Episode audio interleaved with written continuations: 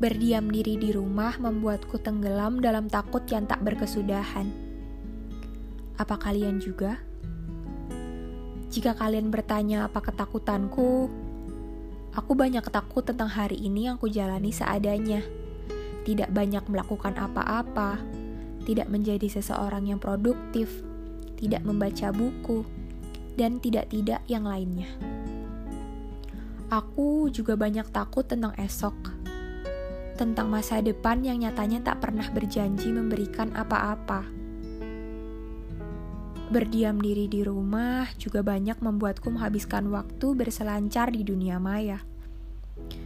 Tak jarang, aku jadi kehilangan kepercayaan diri dan merasa tak berguna.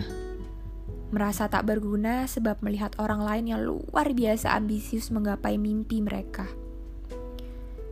Jika sudah begini, yang bisa dilakukan bukan menyalahkan diri sendiri, apalagi terus merasa rendah diri.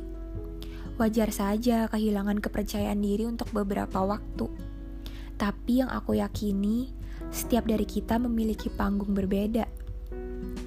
Aku menjadi artis di panggungku, begitu pula orang lain.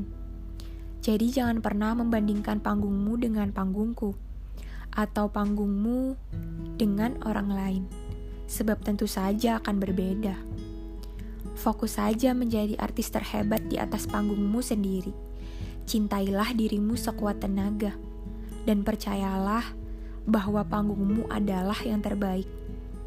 Tidak untuk orang lain, cukup untuk dirimu sendiri.